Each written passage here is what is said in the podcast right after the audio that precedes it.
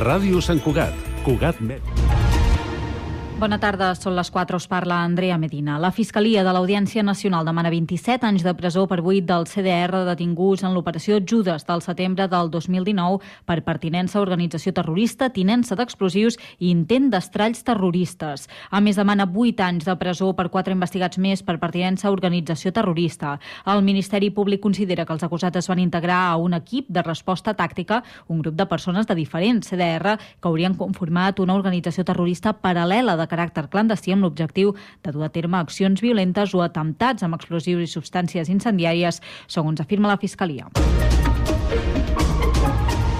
Obrim plana de mobilitat interessant-nos per l'estat de la xarxa viària catalana on s'han produït diversos accidents. Eduard Sánchez, Servei Català de Trànsit, bona tarda. Hola, bona tarda. En aquests moments diversos accidents comencen eh, a complicar ja el trànsit una mica aquesta tarda de divendres. De moment comencem amb l'autopista AP7, on hi ha hagut una topada amb quatre turismes implicats a l'altura de Vilablareix, en sentit eh, sud, en sentit Barcelona, hi ha un carril tallat de moment dos quilòmetres de cues en aquest punt de l'AP7. També tenim un accident que talla la carretera GI 552 a l'altura de Riells i Viabrea en els dos sentits de la marxa. També encara, per tant, dificultats aquí en aquest punt de la via. I també recordem que hi ha hagut alguns accidents més, un altre a la C58, a primera hora de la tarda, a l'altura de Sant Quirze, les coses ja van millorant en aquesta zona. És més enrere, a Ripollet, on queda encara força lentitud en sentit Terrassa, i també de Montcada cap al nus d'entrada a Barcelona. De fet, tant la C58 com la C33 entre Montcada i el nus. On hi ha molts problemes és a la ronda litoral, hi ha un tram de lentitud, aturades de zona franca a Montjuïc, més endavant intensitat, i a partir del fòrum i fins a Bon Pastor un altre cop aturades tot això en sentit besòs, també a causa d'un accident que hi ha hagut aquesta tarda. És tot de moment. Bona tarda. Les autòpsies a les dues víctimes del Valer embarrancat al port de la Selva confirmen la mort natural per ofegament. Segons ha informat la Guàrdia Civil, els dos cossos corresponen a dos ciutadans francesos de 76 i 78 anys. L'embarcació va sortir del port de l'Agde, proper a la localitat de Béziers, i es dirigia al de Grossan. El Sistema de Salut de Catalunya ha detectat més de 6.600 casos de violència masclista durant el 2022, un 26,1% menys que l'any anterior, que van arribar gairebé als 9.000. Són dades fetes públiques avui per l'Agència de Qualitat i Avaluació Sanitària de Catalunya, coincidint amb el Dia Internacional per l'Eliminació de la Violència vers les Dones, que se celebra demà. Fins aquí les notícies en xarxa. Notícies en xarxa.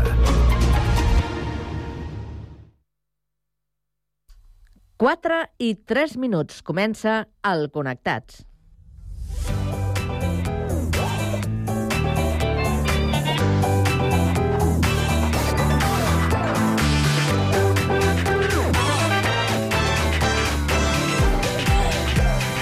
Connectats amb Carme Reversa.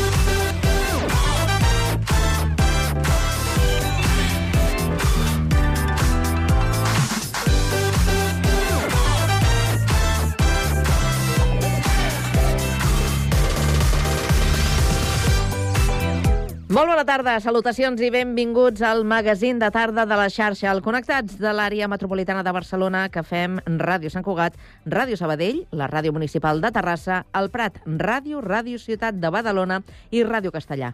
Una salutació de tot l'equip conduït a la part tècnica per Pablo Palenzuela i de qui us parla, Carme Reverte. Avui és divendres 24 de novembre i volem saber quin temps ens espera aquesta tarda.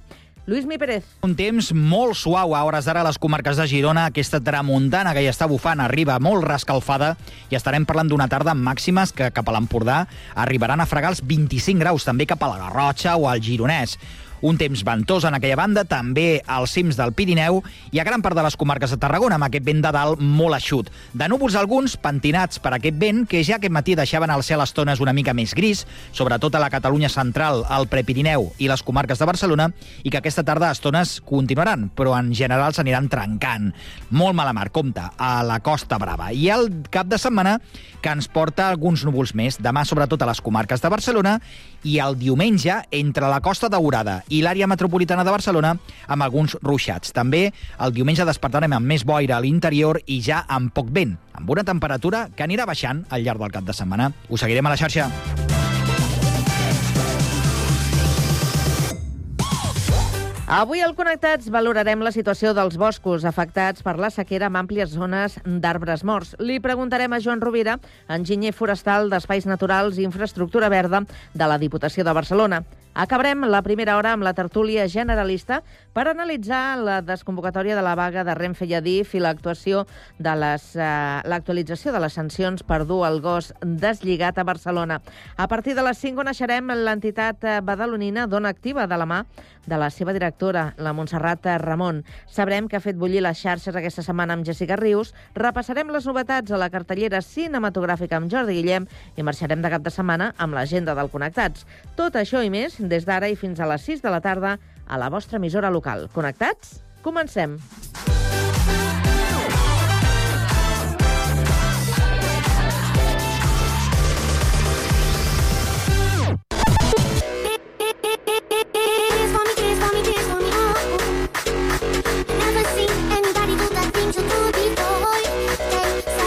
Connectats, una experiència radiofònica a Sabadell, Terrassa, Sant Cugat, El Prat, Castellà i Badalona.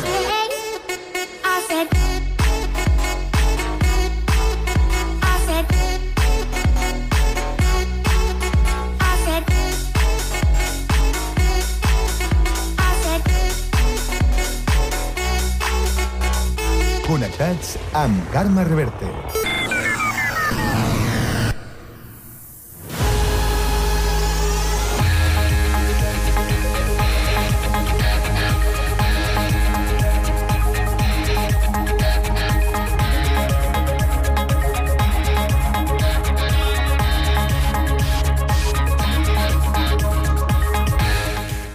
Quatre de la tarda, 7 minuts, ens actualitzem i ho fem amb la ronda informativa, que avui també obrirem per Terrassa. Sergi, està bé, bona tarda. Bona tarda. L'Ajuntament de Terrassa i la Cambra de Comerç impulsen la segona edició de la campanya de dinamització del comerç local Terrassa Balmol. Enguany es tornarà a oferir a la ciutadania 57.600 vals per un valor total de 384.000 euros per gastar en els comerços locals que s'hi adhereixin. L'aportació municipal serà de 250.000 euros destinats a compensar la diferència entre el valor dels vals i el seu preu i a cobrir les despeses d'organització. La cambra, per la seva banda, s'encarregarà de la gestió econòmica del programa de descomptes, així com de la coordinació del lloc web, la resolució d'incidències i les relacions financeres necessàries per al correcte desenvolupament de la campanya. La dinàmica serà la mateixa que l'any passat. El valor del val serà el doble del seu preu. Hi haurà vals de 5 i de 10 euros, encara que per adquirir-los es pagarà la meitat. Dels 57.600 vals de compra que s'emetran, 19.200 tindran un valor de 10 euros i 38.400 un valor de 5 euros. Els comerços i empreses de la ciutat es podran adherir a la campanya a partir d'avui. Per a la ciutadania, el programa començarà el 4 de desembre, dient que s'iniciarà la venda de vals i s'estendrà fins al 14 de gener de 2024. Gràcies, Sergi. Seguim el repàs de l'actualitat ara des de Sabadell. Pau Duran, bona tarda. Bona tarda. Les denúncies per violència de gènere han augmentat a Sabadell respecte al 2022. Segons els Mossos d'Esquadra, en els últims 12 mesos s'han registrat un centenar més de denúncies. Per Cristina Cabero, màxima responsable en la matèria dels Mossos d'Esquadra a Sabadell, aquest augment va lligat també a una bona campanya de sensibilització. Però la sensació és que la violència existeix al carrer, vull dir, existeix, això no, no s'advereix. Sí que sé que hi ha més sensibilització per part de totes les entitats. Eh, nosaltres treballem molt en xarxa, eh, tenim molta comunicació i és cert que gràcies a això hi ha molta informació al carrer i, i les víctimes ho veuen. Llavors, tot això tam també ajuda, aquesta sensibilització ajuda perquè sap el que ve amb una denúncia, el que vindrà després i un seguiment posterior. Aquestes dades s'han donat a conèixer en el marc del 25N, el Dia Internacional per l'Eliminació de la Violència envers les dones. Gràcies, Pau. I ara, des de Badalona, sabem qui marca avui la crònica informativa. Andrea Romera, bona tarda. Bona tarda, Carme. L'Ajuntament no crearà cap comissió especial per investigar les proves de selecció de la Guàrdia Urbana. Una petició que l'oposició havia proposat en bloc i que el govern municipal ha rebutjat al ple extraordinari d'aquest divendres. De la mateixa manera, no ha tirat endavant la petició de reprovació a l'executiu local. El govern insisteix que es tracta d'una errada informàtica i en cap cas parla d'irregularitats. L'executiu local apunta que el procés es va fer amb totes les garanties. La regidora de Recursos Humans, Eva Guillén, considera que l'oposició ha generat un clima de malestar en el departament. L'escoltem. Lo único que han hecho con esta campaña, más que intentar desprestigiar al gobierno ha sido atacar a recursos humanos i a sus trabajadores. Lamentem, evidentment, que hi hagi hagut aquest problema que creiem que ha de quedar un tema d'una anècdota i, en tot cas, s'han donat totes les explicacions des del principi, el que potser no les han volgut sentir i han preferit portar-los en aquest ple. Xavier García Albiol ha anunciat que el proper ple ordinari de dilluns es portarà l'aprovació de nous plusos pels treballadors de la Guàrdia Urbana. Amb tot, el ple sí que ha aprovat el darrer punt de l'ordre del dia, referent a traslladar els acords de la sessió plenària als representants dels treballadors. Gràcies, Andrea. I seguim ara des del Prat de Llobregat. Lluís Rodríguez, bona tarda. Bona tarda. El Prat commemora avui el Dia Internacional contra la Violència vers les Dones, una jornada de denúncia de les diverses situacions a les quals s'enfronten en el seu dia a dia i que té la seva expressió més crua en els feminicidis. Les dades a Catalunya són preocupants. Ja s'han assassinat 12 dones a mans de la seva parella, 5 més que l'any passat. I a aquestes xifres encara se li han de sumar la de l'assassinat d'una dona trans i la d'una dona a mans del seu fill, que no computen oficialment com a violència masclista. La commemoració del Prat arrencarà amb una marxa reivindicativa a les 6 de la tarda i a dos quarts de set s'iniciarà l'acte central a plaça Catalunya, enguany enfocat en les violències sexuals. Marisol Rojas Fernández és la tinenta d'alcaldia de les àrees de benestar, polítiques d'igualtat i ciutadania. Hem de continuar fent pedagogia eh, a, tota la societat, a tota la societat perquè al final és l'educació, no? l'educació en igualtat el que, el que és la clau per, per erradicar totes aquestes violències masclistes. No? Mm -hmm. O sigui que continuem amb aquesta lluita i continuem reivindicant que el 25 de novembre ens volem vives i lliures. L'acte central comptarà amb una representació del Teatre Cadis, 9,3 actes impurs i la instal·lació que mostra els noms de les dones assassinades per violència masclista a càrrec del col·lectiu Alma Violeta 08820. Gràcies, Lluís. I tornem al Vallès, ara concretament a Castellà. Jaume Clapés, bona tarda. Bona tarda. Sota el lema Alimenta el que importa, arriba enguany la quinzena edició del Gran Recapte a Castellà del Vallès. La recollida física d'aliments té lloc avui i demà a més de 2.000 punts arreu de Catalunya. Els voluntaris de Castellà s'han situat davant de quatre supermercats de la vila. El Bonari, el Condis, l'Aldi i l'Ametller Orígens. Càritas, l'entitat encarregada de l'organització del Gran Recapte, recorda que els productes que més es necessiten són llegums en pot, llet, pasta, oli, farina i sucre. Com ja és habitual en els darrers anys, a banda dels voluntaris de Càritas, s'han ofert per ajudar amb el recapte els alumnes del Col·legi El Casal i els de l'Institut Puig de la Creu, a banda d'alguns castellarencs i castellarenques que han volgut donar un cop de mà en aquesta causa. També estan activats els canals per fer donacions econòmiques a la web del Gran Recapte o a través del número Visum 33596. Repeteixo, 33596. Gràcies, Jaume, i tancarem aquesta ronda d'actualitat amb la crònica de Sant Cugat per informar-vos que la campanya de Nadal és la més important a nivell comercial i representa el 30% de la facturació anual dels comerciants santcugatencs, una xifra que ha facilitat Sant Cugat Comerç a Cugat Mèdia, on expliquen que és molt important que per aquesta època de l'any la ciutat estigui ben il·luminada perquè la llum hi fa molt, com comenta la gerent Adela Burgos. Aproximadament un 30% de les vendes de tot l'any. O sigui, és de les campanyes més importants importants que el comerciant està esperant amb necessitat, la veritat. I les llums sí que fan, i tant que fan. I no és el mateix sortir al carrer i veure un carrer decorat amb llumetes, amb ganes de que et donen de passejar i de mirar els escaparats, que passejar per carrers que estan totalment apagats i que no conviden a estar allà. Sant Cugat Comerç compta actualment amb 190 botigues associades i es marca l'objectiu d'incrementar aquest nombre, com han fet eh, el darrer any, on han crescut un 15%, asseguren. En aquesta línia, l'entitat també vol millorar la visibilitat del comerç local a través de les xarxes socials i incrementar el nombre de campanyes. Fomentar la digitalització i les noves tendències de venda són altres objectius prioritaris per a l'entitat, que s'ha mostrat molt crítica, però pels canvis de consum de la ciutadania amb el creixement de les compres online a través d'empreses com Amazon. En aquest sentit, Sant Cugat Comerç ha explicat que estan totalment d'acord amb la taxa Amazon proposada per la CUP.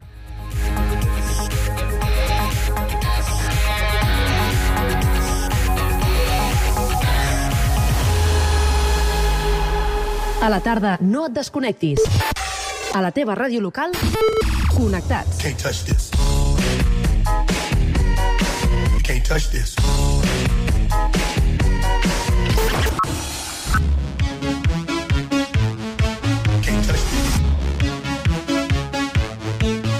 This. Connectats amb Carme Reverte.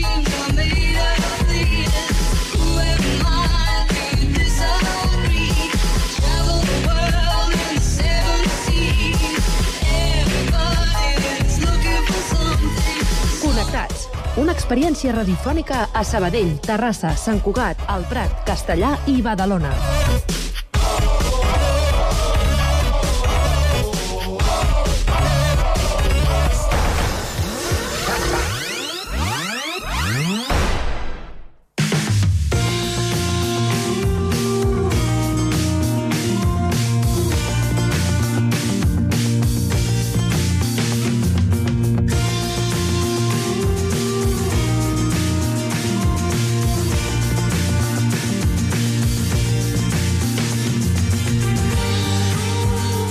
Els efectes de la sequera s'han fet notar d'una forma extrema als nostres boscos. La falta de pluja fa que molts arbres morin. Per això volem saber avui com està afectant la sequera als boscos dels municipis d'aquest eh, Connectats i com s'està gestionant. Ens acompanya Joan Rovira, enginyer forestal i d'Espais Naturals i Infraestructura Verda de la Diputació de Barcelona. Molt bona tarda, Joan. Hola, bona tarda. Bé, doncs, si és possible, avui ens centrarem en parts de la Serralada de Marina, el Parc Natural de la Serra de Collserola i el Parc Natural de Sant Llorenç del Munt i, i l'Ubac. D'entrada, m'interessaria fer una fotografia per saber quin tipus de, de, de parcs eh, eh, tenim i, i per saber quines són les seves principals eh, característiques. Eh, fem, fem primera una, una descripció d'aquests eh, parcs. Comencem pel parc de, de la Serralada de Marina, per exemple.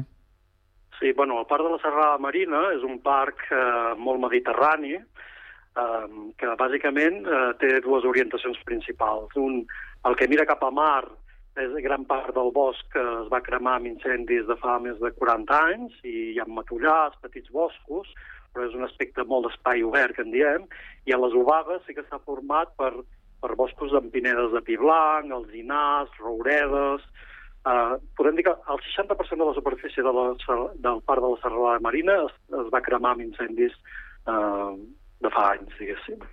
-huh. eh, mm, ens ha comentat ja les espècies que, que hi podem eh, trobar. Eh, com els hi està afectant la sequera, en aquest cas, a Serralada Marina? Bé, bueno, a la serralada marina, ara, diguéssim que la, la sequera l'estem patint ara, aquesta tan forta, des de, de, de, de fa dos anys i mig. No? En aquests dos anys i mig el que estem veient és que s'estan morint arbres puntualment, tant el, alzines, pins, pi, pipinyer i pi blanc, i en general són uh, mortalitats puntuals. Però sí que és veritat que en, en, en el serrat, en aquells careners, que els sols més prims, i sobretot orientats cap al, cap al sud, cap al Solell, que són més secs, l'afectació eh, és molt més evident. Hi ha bosquets d'arbres morts, arbres trencats, de grans dimensions, també aldines petites, vull dir que es veu més en aquestes zones més límits, no? que, que, que també són més seques, més eixutes, i que els arbres no poden aprofitar l'aigua del sol. Uh -huh.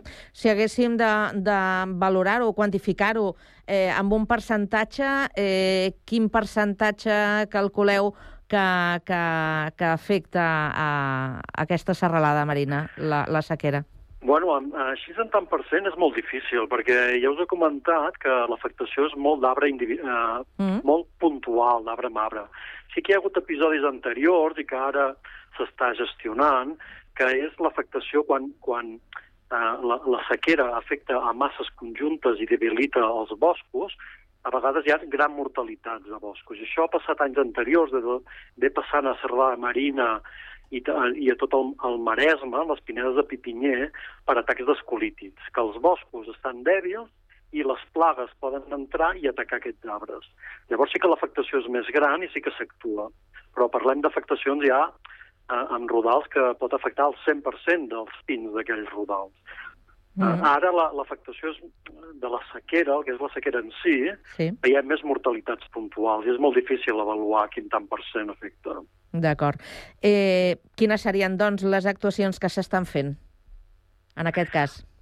Bueno, aquí a la Serralada Marina, ja us ho coment... bueno, bàsicament es porta el programa de, dels escolítids, de les plagues d'escolítids, que quan es detecta un rodal eh, de pipinyer afectat per aquesta plaga, es, eh, bueno, es va allà amb una colla forestal, es tallen els arbres i es retiren, perquè el risc és que s'escampi molt aquesta plaga i acaba afectant a tot l'arbrat, i això posa en perill la pervivència del bosc. No? Eh, llavors està engegat des del 2015, això ho fa la Generalitat i la Diputació de Barcelona alhora, tant en, en tot el Maresme, o sigui, des del Besòs fins a la Tordera, s'actua en totes les pinedes de pipinya que estiguin afectades. Uh -huh. Bé, doncs ara ens traslladem de la Serralada de Marina, eh, anem fins a la, al Parc Natural de la Serra de, de Collserola. Aquí quines serien les seves característiques? Bueno, a la Serra Collserola, bueno, bàsicament, podem també, eh, hi ha un vessant orientat al sud, més d'herbassars i matollars, perquè hi ha hagut reincidència d'incendis, no? i el vessant nord i totes les valls que donen cap a Sant Cugat, de Cerdanyola i tot això, bàsicament són pinedes de, de pi blanc, o sigui, està dominat per pinedes de pi blanc i alzinars.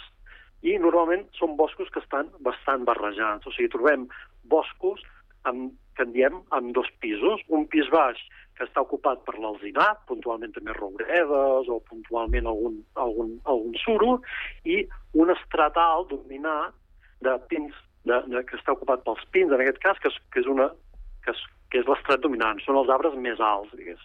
Mm. Això és la, la, la, la imatge visual una mica resumida sí. al parc de Collserola. I, I l'afectació en aquest cas, com, com és? Aquí també, o sigui, jo diria que hi ha menys afectació que en el cas de la serrada de Marina, però també ens trobem que hi ha arbres morts puntuals. No?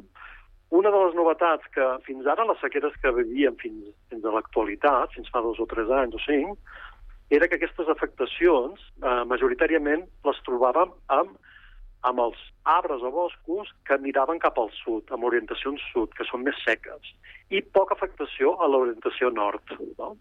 Però ara ens veiem que no. Des de l'any passat, l'afectació de la sequera del 22 i d'aquest any 23 poden afectar a qualsevol orientació i també a qualsevol espècie, perquè abans també era bastant característic que els pins fossin les espècies més afectades. Mm. Però en aquest cas també trobem alzines mortes.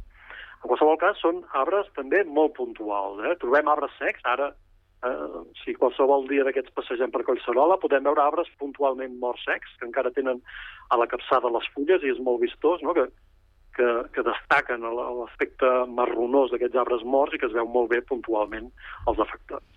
I en aquest cas també s'estan fent actuacions concretes de tallar alguns arbres? Uh, en general, que jo sàpiga, uh, no s'està fent una actuació específica generalitzada amb l'afectació d'aquesta sequera.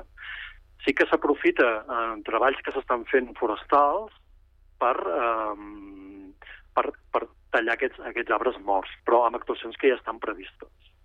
Mm -hmm. Bé, doncs seguim el recorregut i arribem mm. al Parc Natural de Sant Llorenç del Muní i l'Ubac. Quina seria la fotografia en aquest cas? Bueno, en aquest parc ara ja ens, hem, eh, entrem, ens allunyem del mar, no? i estem a, bueno, en línia recta, no sé si deu haver-hi uns 30 o 40 quilòmetres de distància al mar, i per tant tenim unes condicions més continentals. Llavors, els tipus de boscos ja canvien. O sigui, perdem, perdem característiques de bosc mediterrani i guanyem boscos amb característiques més continentals. Llavors, dominen molt els boscos dels dinars, també hi ha rouredes, i pinedes, que antigament eren gran, grans extensions de pinedes de pinassa, i alguns reductes de pinedes de pi roig, no? que són d'àmbit de distribució més que en diem centroeuropea. La trobaríem més al pi roig, més cap al prepirineu, Pirineu. No? Trobem aquestes espècies. Uh -huh. I, I en aquest cas, l'afectació com és? Similar a la que ja hem comentat dels altres dos casos?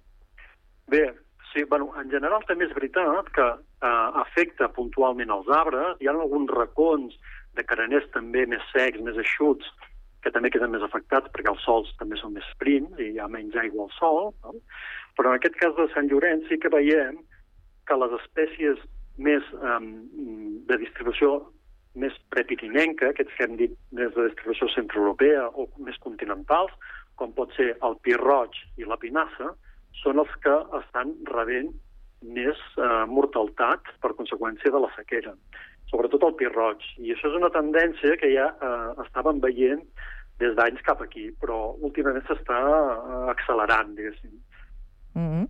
eh, si ens fixem en, eh, en les, eh, les actuacions que s'estan fent ara mateix, puntuals, so, amb la tala d'alguns arbres, eh, tot això què representa? És a dir, amb aquesta fusta què es fa? Perquè de vegades, sovint passejant pels boscos, trobem arbres que, que estan tallats i estan allà al mig del bosc. Qui s'encarrega de, de fer el que s'hagi de fer amb aquesta, amb aquesta fusta? Ah, bueno, en, en, primer, en primer lloc dir que, uh, que, que és essencial fer una bona gestió forestal. No? La gestió forestal sostenible és essencial per mantenir els boscos vitals no? i per adaptar-los al canvi climàtic. Uh, S'està apuntant des dels experts, des dels centres de recerca, que cal fer una gestió correcta per preparar aquests boscos i adaptar-los al canvi climàtic. No? En primer lloc, això. Mm. Perquè tallar arbres, ara mateix, els boscos que tenim són molt vulnerables al canvi climàtic. Són molt vulnerables perquè venim d'una explotació molt intensa, fins al 1950 es van aprofitar molt intensament els boscos i a partir de llavors s'han abandonat del tot, pràcticament. O sigui que ens trobem boscos que són molt continus, que han anat creixent, els conreus i pastures s'han anat desapareixent, no? i trobem boscos molt densos i amb arbres molt petits, i estan per accés. No? Convé realitzar gestió per extreure l'accés de peus i que la, la poca aigua que hi hagi en el sol, que és el que aprofiten per viure els arbres, estigui més ben repartida en els arbres que teníem que deixar.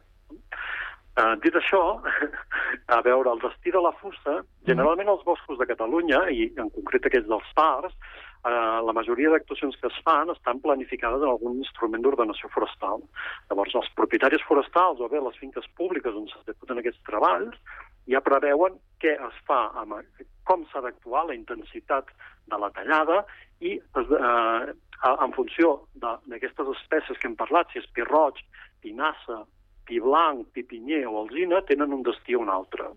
Generalment les actuacions es fan de baixa intensitat, o sigui, es treuen un tant per cent dels arbres que hi ha, que sol ser a l'ordre del 30% aproximadament, i la fusta recta de pins, per exemple, sol anar, eh, es desembosca el tronc sencer, el, el tronc, i es, es porta a serradores per fer doncs, palets o fusta estructural. En el cas de les alzines i dels roures, aquesta, la fusta s'aprofita per llenya, majoritàriament. I en els casos que s'actuï extraient, per exemple, el que hem comentat abans, l'afectació de plagues al, dels pipinyers, en el cas de Serrada Marina i de tot el Maresme, moltes vegades s'ha extret tot l'arbre, o sigui, el tronc i la calçada, s'ha extret del bosc, es fan unes piles i aquestes, aquesta fusta i les capçades es tritura tot i es converteix en estella, que es destina per biomassa forestal. Mm. Eh, ara he fet una, una referència a, a aquesta altra qüestió que li volia plantejar, perquè el 75% dels boscos a Catalunya són boscos eh, privats. En una situació com aquesta, quin és el paper eh, de suport que, que ofereixen o estan oferint les diferents administracions? Bé, bueno, aquí la, la competència de la gestió forestal la té la Generalitat de Catalunya, no? I té obertes diferents línies d'ajut en el que és en, uh, pels boscos.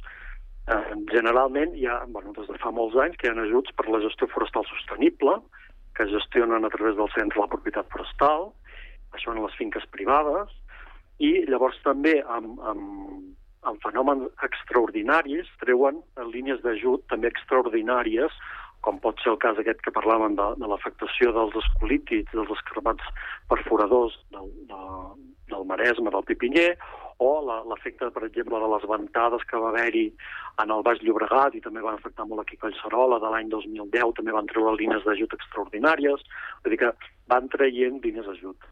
Um, des de la Diputació de Barcelona també es fomenta la gestió a través de línies d'ajut als propietaris uh, a la gestió, no? I eh, també col·laborem i participem en centres de recerca per impulsar noves línies de gestió per, i preparar els boscos a l'adaptació al canvi climàtic. Ara mateix eh, estem a punt d'obrir una web sobre sí. l'impacte del canvi climàtic als boscos a la xarxa de parcs que recull tot l'històric de projectes, estudis, seguiments que tenen a veure amb els boscos i el canvi climàtic. No? Això ho tenim, ara ho trobarem en breu. A, això... I llavors impulsem mm. projectes pilot, que en diem, Sí. Uh, uh, per exemple, ara mateix s'estan eh, ara mateix aquí en el parc de Collserola i en el parc de Sant Llorenç, s'està implementant un LIFE, que és un projecte europeu que fan accions demostratives que es diu Life uh, Climarc, que és de crèdits climàtics, o sigui, amb diners que poden aportar empreses o particulars voluntàriament, es fan actuacions per preparar els boscos a l'adaptació al canvi climàtic. Això està s'està realitzant actualment. Uh -huh. Aquest tema ens donaria per parlar tranquil·lament un altre, un altre dia, no? Eh, sí. Com, com s'està treballant eh, en, en, i quines actuacions s'estan fent per, per preparar-se, diríem que per al futur, no? Eh, sí. Com que no tenim massa més temps, sí que m'agradaria tancar, després de tot el que eh, ens ha explicat, preguntant-li per quina valoració eh, general fa de, de la situació. És una situació preocupant, molt preocupant, o és una situació que està eh, controlada? Bueno, a veure, en primer lloc és una, és una situació incerta, no? Ningú sabem què, què pot arribar a passar. Generalment els períodes de sequera duren períodes curts, estem veient que aquest està durant de moment dos anys i mig, que és molt temps per, la, per als boscos i la vegetació en general, suportar precipitacions molt baixes durant tant temps, i això està provocant que tots els boscos i els sistemes naturals estiguin dèbils i que, a més a més, s'acumuli molta biomassa morta, o sigui, mm. fulles. Els arbres amb aquesta sequera s'estan desprenent de fulles i s'estan morint les fulles, algunes parts de les fulles i branquetes, i això provoca un augment molt considerable de biomassa morta i, són, i el risc d'incendis forestals creix moltíssim. Hi ha una gran preocupació des de bombers, des, de, des dels que es dediquen als grans incendis forestals, per aquesta acumulació de biomassa morta que pot provocar indueix, afavoreix molt els grans incendis forestals. Realment no és gaire em sap greu, però no és gaire optimista la situació actual. Mm. És veritat que ara estem a l'hivern i tots els sistemes naturals paren, o sigui, els boscos ara no treballen, però a la que arrenquin necessitaran aigua a la primavera, els arbres necessiten eh, per créixer i, i sobreviure aigua, i és vital que hi hagi aigua en el sol, que hagi plogut prèviament perquè es puguin desenvolupar. Mm. És, és una mica preocupant actualment la situació. Bé, doncs avui hem volgut fer eh, aquest recorregut eh, pels, eh, pels parcs, pels boscos de, del programa Connectats per veure quina és la, la situació. Mm, alarmats i preocupats també per el que veiem al nostre, al nostre voltant. Ens ha agradat eh, molt saber de la situació. Ho hem parlat amb en Joan Rovira, enginyer forestal i d'Espais Naturals i Infraestructura Verda de la Diputació de Barcelona, a qui li agraïm que hagi passat pel Connectats. Gràcies i molt bona tarda. Moltes gràcies a vosaltres. Adéu-siau. Adéu.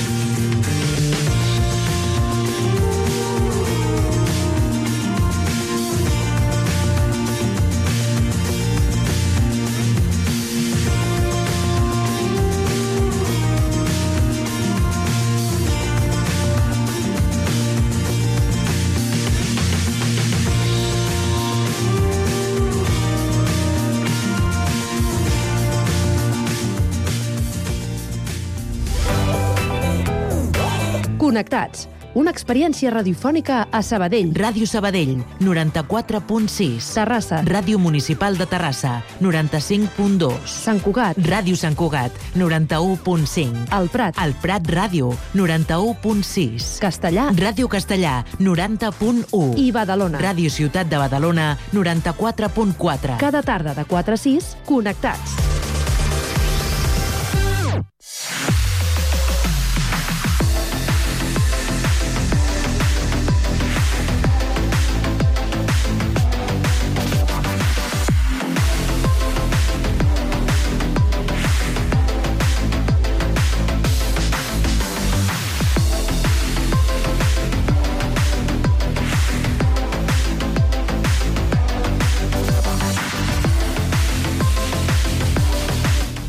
5 minuts de dos quarts de 5 de la tarda i obrim l'espai d'opinió, la tertúlia, tres bandes. Avui la compartim amb la Georgia Mainou, que és l'autònoma soferta que tenim a Sabadell. Georgia, què tal? Bona tarda.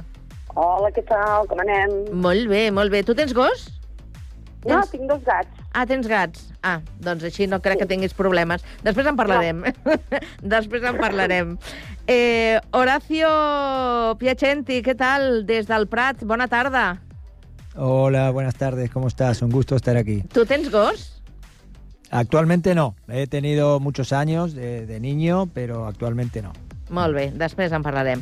Lluís Espín, directora de la Fundació Vinna, què tal, com estàs? Bona tarda, molt bé. Sí? sí. Atrafegada, no? Una Arri mica. Arribes allò corrents i a, a, a la carrera, que dirien. Exacte.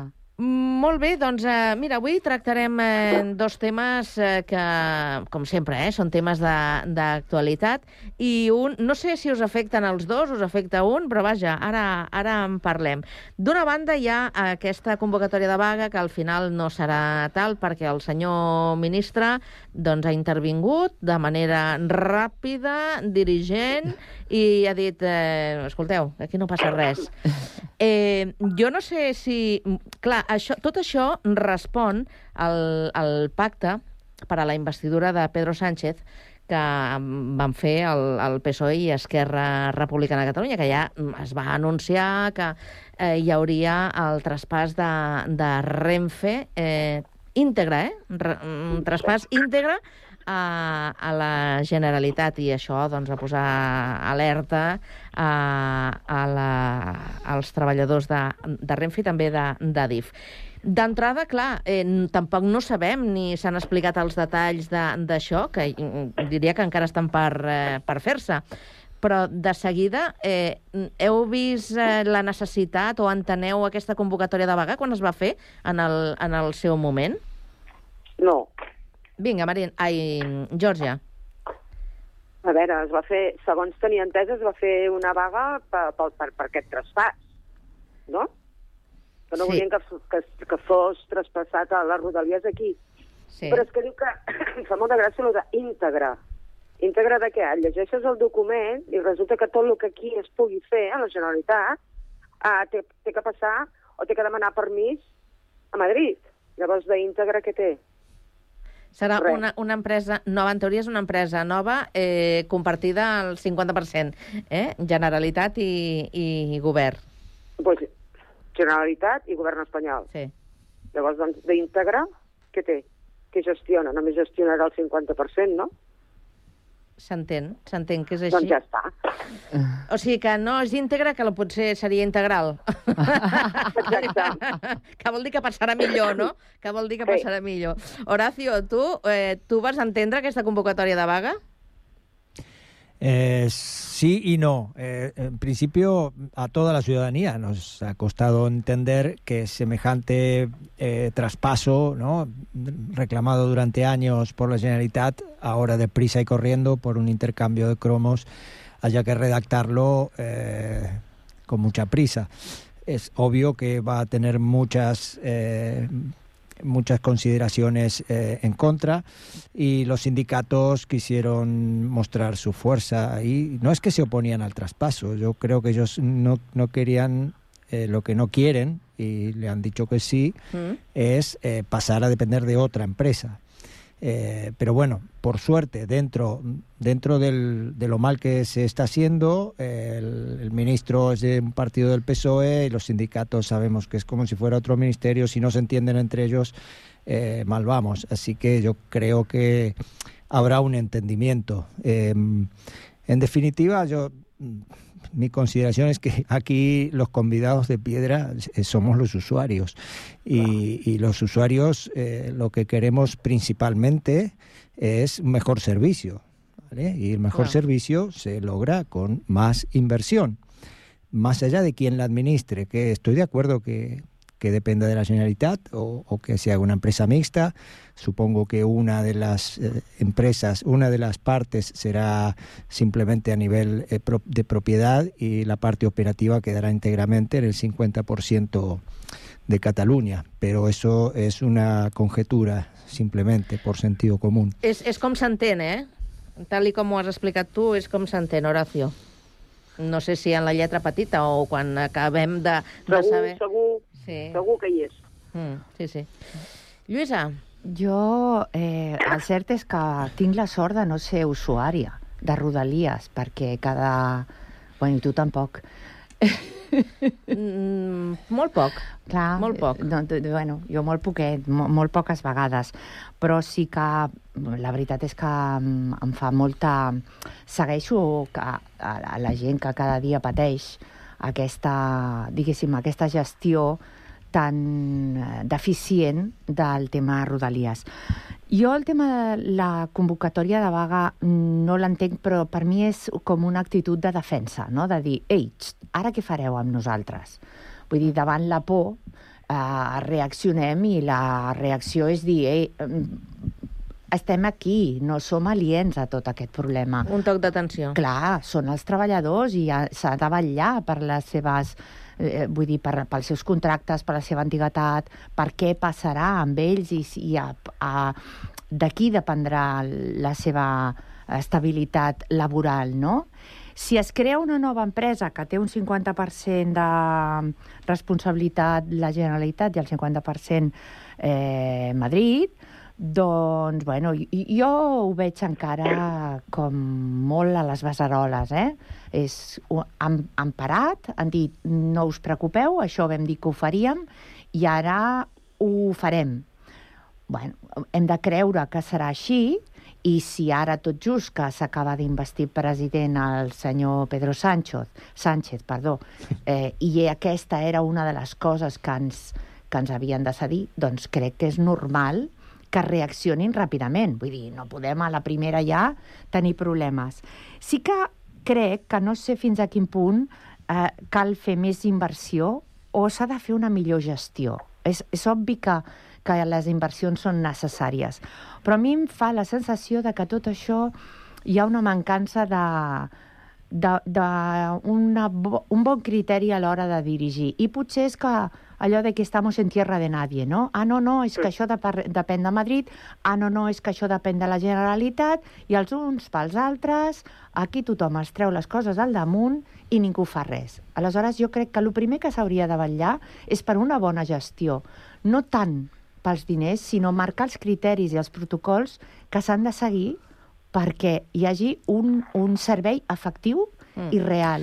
És el que deia l'Horacio. Al Sí. cap i a la fi, el que vol la ciutadania que fa servir eh, aquest mitjà de transport és que li doni un bon servei. És a dir, que arribi puntual, que, que no hi hagi eh, sorpreses Clar. Eh, durant el, el recorregut, perquè, clar, és que si no és... Però escolta'm una cosa, Digues. a veure, si els ferrocarrils catalans els gestiona cat- a la Generalitat, Sí.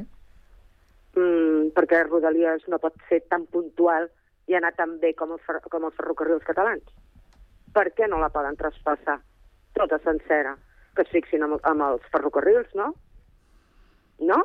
Sí, Que van- però, però van inter intervenen altres... altres no és Factors. només... Altres Exacte. actors i altres actors, i altres I, actors. qui són, I quins són aquests factors?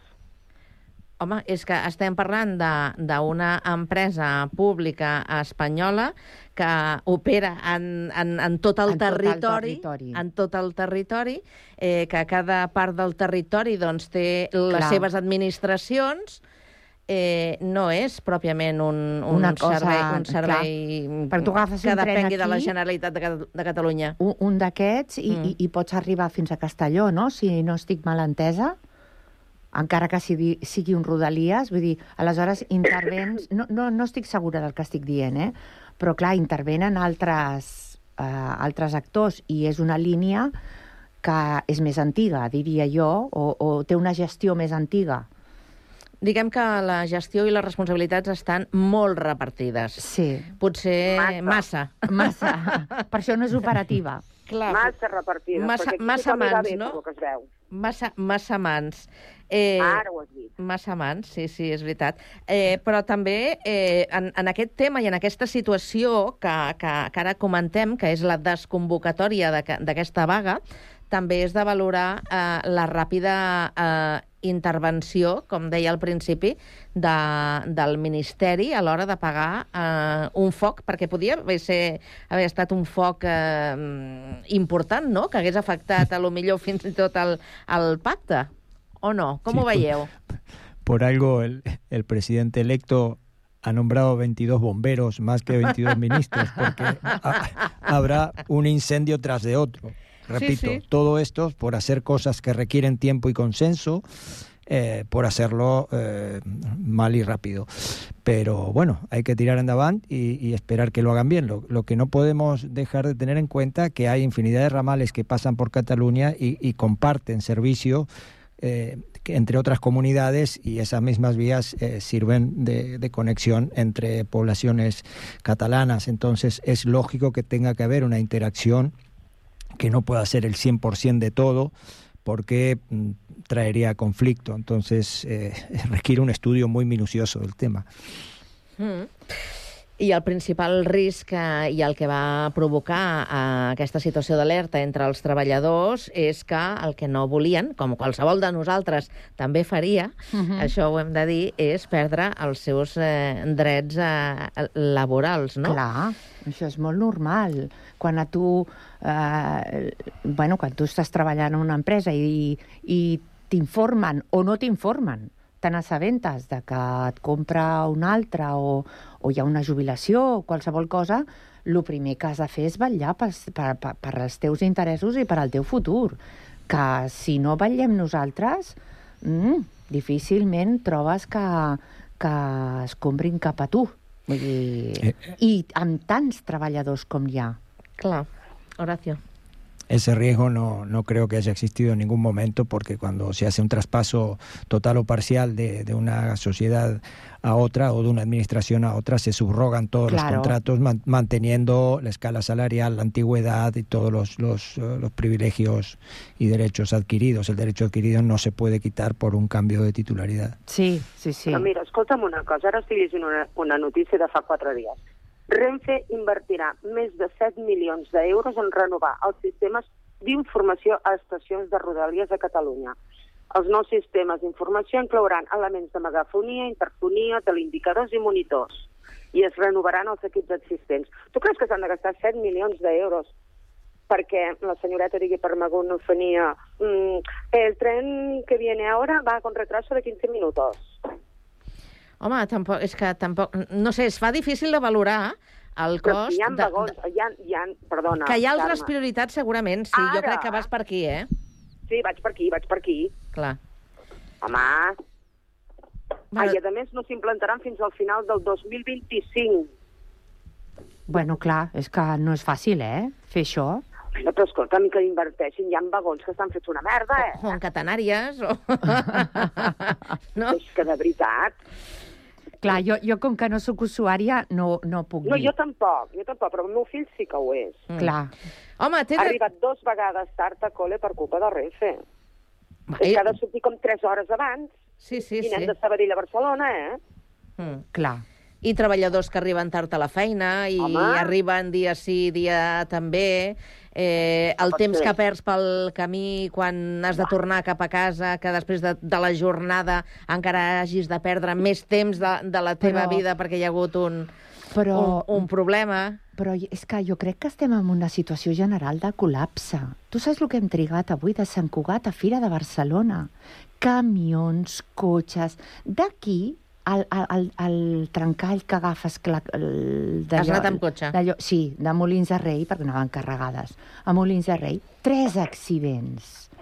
Vull dir, Sí, sí, és sí. que, és que eh, i, I tothom tenia pressa, els camions ens feien bocat, ent- bueno, bocates, sí, sí. Sí, es feien... Vull dir, és que a vegades tens la sensació de que vivim en un col·lapse constant. Sí, No I sé. aquí vivim, hi vivim. Perdó? Que hi vivim. I vivim, oi que sí? És que I no és tant. només Rodalies. És que vols anar a Barcelona i sí, bueno, si fas servir el transport públic, arribes 3 hores tard, com diu la Georgia. Però és que si necessites anar en vehicle propi, bueno, és sálvese quien pueda. Eh, no, no, no, Sí, una no mica sé. és una selva. És una, una mica selva. Sí, sí, la veritat.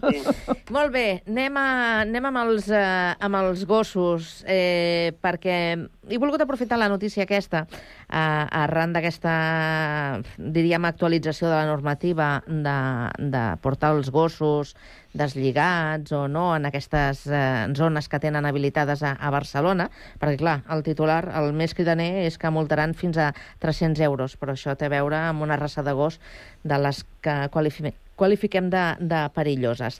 Però, mm, sense haver d'entrar exactament en, en, en el tema concret de les multes i tot això, sí que m'agradaria saber i, quina és la, la situació o la vostra percepció en les vostres ciutats sobre el, el civisme no? el civisme dels amos amb, amb, amb aquests eh, gossos i si les vostres ciutats estan eh, preparades eh, perquè els gossos doncs, puguin, eh, puguin fer les seves necessitats, puguin viure en, en, aquestes, en aquestes ciutats. A veure... A Sabadell ni una. A, a Sabadell, Jorge, Re. què, què vols Re. dir ni una? Res, que no hi ha res, vull dir... mm, Mira, fins i tot us explicaré una anècdota. Estava tan farta de que s'empixessin a la porta de la botiga Ai, això em que sona. vaig enganxar. Hi ha una farola, bueno, hi ha un, hi ha un rètol, no, una farola no, hi ha un pas de, que prohibit anar amb moto, amb no sé què, no sé quantos, vale? Mm. però que passen igual, passen fillats per allà. Ah, I vaig lligar una galleda i un motxo Sí. i un cartell, un rètol que posava... Sí, sí, va sortir al diari tot, eh? Un rètol que posava, això no és un pipicant. Quan el teu gos oh, faci les seves necessitats, aquí ho tens, el motxo i l'aigua amb lleixiu, perquè ho netegis. Mira que bé, servei a domicili. No es va pixar ni un mentre vaig tenir allò. Mira que bé. És que és horrorós, però és horrorós. Tenen, aviam, tenen els parterres dels, dels arbres a, a 10 passes, doncs no. Uh, més d'una vegada, bueno, és que fot fàstic, al carrer de la Rosa fot fàstic. Uh, una vegada estàvem a fora amb una clienta parlant, passa una parella amb un, amb un gos, una gossa era, i enmig del carrer, la gran pixarada, i li dic, perdona, dic, pots fer una mica d'aigua amb lleixiu? Saps què em va fer la dona? Què? Es va girar i em va fer, com es diu? En, una, dic en castellà. una peineta. Una peineta. Vull dir que dius, Però, hosti, eh, Georgia- aviam, la culpa no la té el gos. No, clar. No, La clar. culpa són els amos. Ja, ja, ja. Però en general tu diries que Sabadell és una ciutat eh, mm, neta en aquest sentit? O, o què, Georgia? Que s'hi admeten. Que No, tinc si és, neta. si és neta, neta. Vull dir, No. o, o, o has d'anar eh, sortejant, no? Pipí, segur. Les caques ja sí que les, les, les Sí? agafen. Sí, això Mira, sí. Bueno, un una que detall. en trobes, no? Però el que és el pipí, per l'amor de Déu, Ja. és que de veritat és que agafaria l'amo i la morreria a terra, eh? Li diria, ara. és que és fastigós. I aviam, jo perquè és el que he dit abans, jo tinc gats, va? Però, uh, i els gossos m'encanten, eh? Vull dir, m'encanten tots els animals, menys les serps, m'agraden tots. Però, um, dius, xaval, quan veus algú que porta la seva ampolleta d'aigua i fa el pipí i tira aigua, dius, ole, tu, Sí. però l'altre no, és que passen de tot, és que dius... I de multen els, a, aquests que van deslligats. Mm. Doncs pues multa, fotre-li una multa de 1.000 euros al que es pixa davant de, que es pixa davant de la teva... Ai, perdoneu el llenguatge, eh? però que es pixa a la teva porta, a la porta de casa teva. Sí, Oi que sí. no? Doncs perquè s'ha de pixar amb la del veí. coi. Anem, a veure com està en el Prat, Horacio. El tema, què tal? Bueno, acá, acá hay que separar un poco el esfuerzo que hace el ayuntamiento, que no es poco, por crear los espacios y, y, digamos, difundir el, el civismo de los propietarios de perros eh, y por otro lado eh, es el civismo de la gente, de, los amos de estos perros que, que no van en la misma línea. Yo, yo creo que desde la administración se está haciendo lo que se puede, eh, aunque siempre se puede hacer algo más, pero mm, se echa en falta educación. Se echa en falta educación porque tal cual adhiero lo que decía la Georgia, que las cacas más o menos mm, se juntan porque es muy evidente, aunque siempre te encuentras algunas, el que suele caminar mucho, que es mi caso, pero del pipi no, no, no se enteran, que, que, que es igual o peor porque deja un olor Sí. y, y- y se evapora, I se que es seca y encima. Y los perros repiten en el mismo sitio, buscan el olor Exacto. donde está la meada y vuelven a ser ahí. Entonces, eh, ahí sí haría falta un poco más de, de colaboración y, es que, y cada vez hay más perros. Sí. De todas maneras, yo creo que esta noticia, eh, más que una normativa nueva, es una actualización Sí. de sanciones, Sí. porque la normativa existe lógicamente y debe estar un poco eh, fundamentada por, por los accidentes, eh, los ataques que se ven de perros eh, que van eh, sueltos eh, y, y han producido lesiones y hasta muerte de, de ciudadanos. No, no necesariamente en la ciudad en estos últimos días, pero cada mes o cada semana Sí, se ve algún caso Mm. en alguna población y sobre todo en, en zonas eh, más alejadas del núcleo urbano, donde se tienen perros más, más potentes por temas de seguridad, eh, en zonas rurales, urbanizaciones. Eh, yo ahí veo también un, un- un punto de trabajar eh, desde las administraciones eh, para estar muy atento a esto porque estamos jugando con vidas y, y hay perros y hay cruzas genéticas que cada vez los hacen más, más agresivos y impredecibles. Eh, Sant Cugat... És terra de gossos, perquè aquí, aquí hi ha gossos per Els donar i rarets vendre. som els que no tenim gos. Els rarets, sí. Els rarets. El tema higiene, jo voldria creure que, que la gent és bastant cívica, que hi ha... Clar, estem molt a prop de diferents entorns eh, Naturals, naturals, sí. com és el Parc de Collserola, el Parc Central, Bullpalleres... Vull dir que el tema higiene, clar, els pipís no ho sé. A mi el que m'agrada poc és allò de que et diuen no fa res, aquest gos tranquil·la, no fa res, i el tens enfilat allà a dalt, al teu coll, no? Eh, això sí que em molesta i molt, perquè aquesta persona no sap si jo tinc pànic als gossos. Mm. Mm. I això eh, em sembla que és una falta de civisme i d'educació bastant important. Uh -huh. El tema higiene, ja et dic, em sembla que aquí a Sant Cugat ho tenim bastant resolt, però el tema de el gos Hem és de per davant de tot, ui, ho- pues adeu. Ho hem de deixar. Anem a passejar el de- gos. ho- Anem a passejar el gos. Uh, que tingueu un molt bon cap de setmana, Horacio, Georgia, Gràcies, Lluïsa, que vagi molt bé. Bona nit. Adéu-siau. Bona tarda.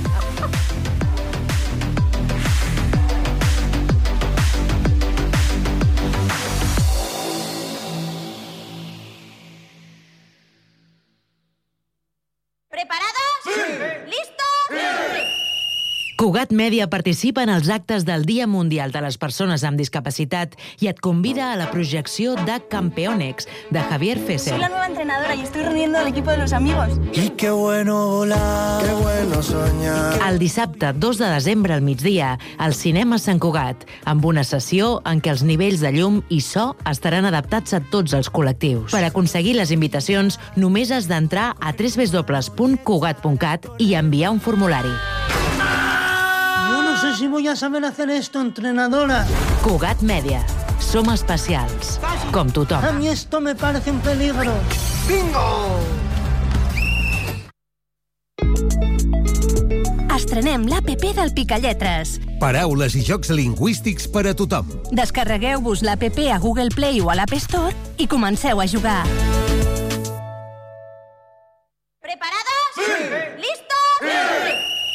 Cugat Mèdia participa en els actes del Dia Mundial de les Persones amb Discapacitat i et convida a la projecció de Campeonex, de Javier Fesser. Soy la nueva entrenadora y estoy reuniendo al equipo de los amigos. Y qué bueno volar, qué bueno soñar. El dissabte 2 de desembre al migdia, al Cinema Sant Cugat, amb una sessió en què els nivells de llum i so estaran adaptats a tots els col·lectius. Per aconseguir les invitacions, només has d'entrar a www.cugat.cat i enviar un formulari. Si voy a saber hacer esto, entrenadora. Cugat Mèdia. Som especials, com tothom. A mí esto me parece un peligro. ¡Bingo! No és el mateix ser els integrants del millor grup de la història que ser el millor grup de la història. Per això, el grup català Occident serem Occident, perquè per continuar assegurant-ho tot, tot i tot, ens havíem d'ajuntar tots, tots i tots. Entra a seremoccident.cat. Cocodril Club. Si t'agrada la bona música dels anys 60, 70, 80, escolta Ràdio Sant Cugat els divendres a la nit de 10 a 12. És el temps del Cocodril Club, tot un clàssic de la ràdio. Recorda, divendres, de 22 a 24 hores, a Ràdio Sant Cugat, 91.5 FM. Cocodril Club, el programa revival de l'Albert Malla. Hasta luego, cocodrilo. No pasaste de caimán.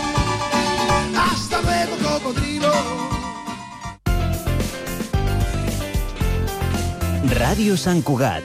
Cugat Mèdia.